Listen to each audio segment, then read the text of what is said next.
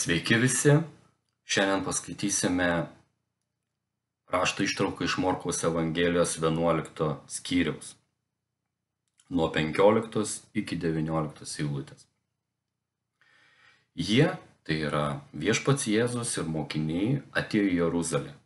Įėjęs į šventyklą Jėzus ėmė varyti laukan parduodančius ir perkančius šventykloje. Jis išvartė pinigų keitėjų stalus bei karvelių pardavėjų suolus ir neleido nešti prekių per šventyklą. Jis mokė sakydamas jiems, argi neparašyta, mano namai vadinsis maldos namai visoms tautoms, o jūs pavertėte juos plėšikų lindynę. Tai išgirdę, aukštieji kunigai rašto žinoviai tarėsi, kaip jį pražudyti. Jie mat bijojo Jėzaus, nes visi žmonės buvo didžiai nustebinti jo mokymą. Atėjus vakarui, Jėzus su mokiniais išėjo iš miesto. Štai tokia rašto vieta, yra kontekste mm, tų įvykių, kai Jėzus su Antasilaičio įjojo į Jeruzalę ir visi iš paskos einantis šaukė, Osana, palaimintas, kuris ateina viešpatės vardu, palaiminta mūsų tėvo Dovido karalystė, ateinanti viešpatės vardu, Osana aukštybėse. Taigi žmonės garbino viešpatį ir iš tiesų džiaugiasi, kad Jėzus įžengė į Jeruzalę. Ir viešpats iš ties tą pačią dieną išėjo Betanijoje ir kitą dieną grįžo. Ir kai grįžo, jis įėjęs į šventyklą ėmė vartyti laukan, varyti laukan parduodančius ir perkančius šventykloje. Jis išvartė pinigų keitėjų stalus bei karvelių pardavėjų suolus. Taigi viešpats iš tiesų pirmą kartą panaudoja fizinę jėgą savo tarnavime, kur yra parašyta Biblijoje, kad jisai vartė suolus. Tai yra gadino pardavėjų inventorių. Ir tie pardavėjai iš tiesų buvo šventykloje. Klausimas, kodėl viešpats taip elgėsi? Greičiausiai todėl, nes tie žmonės, jie, tai buvo jų pasipelnimo šaltinis. Ir ką veikia pinigų keitėjai šventykloje? Be abejo, kad istoriškai mes žinome, jog į šventyklą buvo galima aukoti arba sumokėti mokesčius šventyklai su šekeliu. Tai yra Istorinė, istoriškai tai yra svorio matas ir jisai tapo piniginiu vienetu šekelio, tai yra tinkama valiuta sumokėti mokesčius šventyklai. Ir žmonės, kurie atkeliaudavo iš tolimesnių Izraelio kampelių, ne visi jie turėjo tą valiutą, todėl pinigų keitėjai tuo pasitarnaudavo, kad jie galėdavo suteikti būtent e, nusipirkti šekelių ir tuos šekelius paukoti. Taip pat ir karvelių pardavėjai. Čia neparašyta, kodėl buvo pardavinėjami karveliai.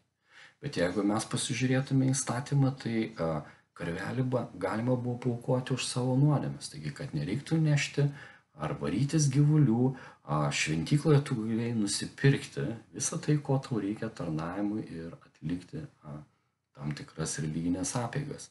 Taigi viešpas matydamas visą šitą sukurtą infrastruktūrą, kuri iš tiesų kai kuriems žmonėms buvo pasipelnimo šaltinis, kitiems tai buvo patogumo reikalas, bet tai tarsi buvo dėl Dievo, bet viešpas akivaizdžiai a, visą tai a, griovė fiziškai.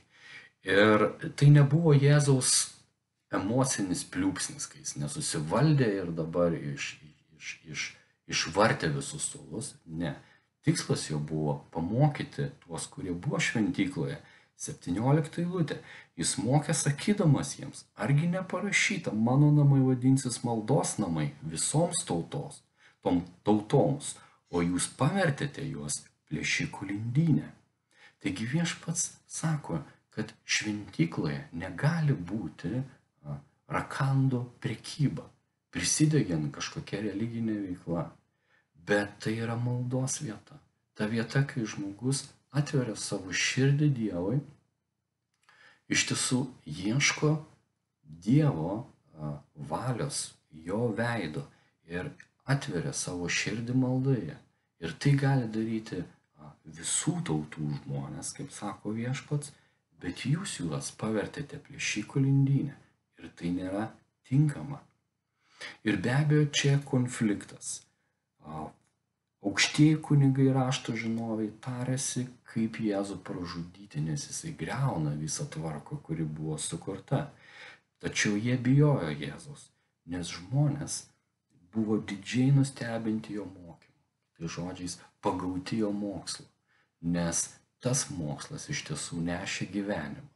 Ir tas mokslas nešė šviesą į šių žmonių širdis.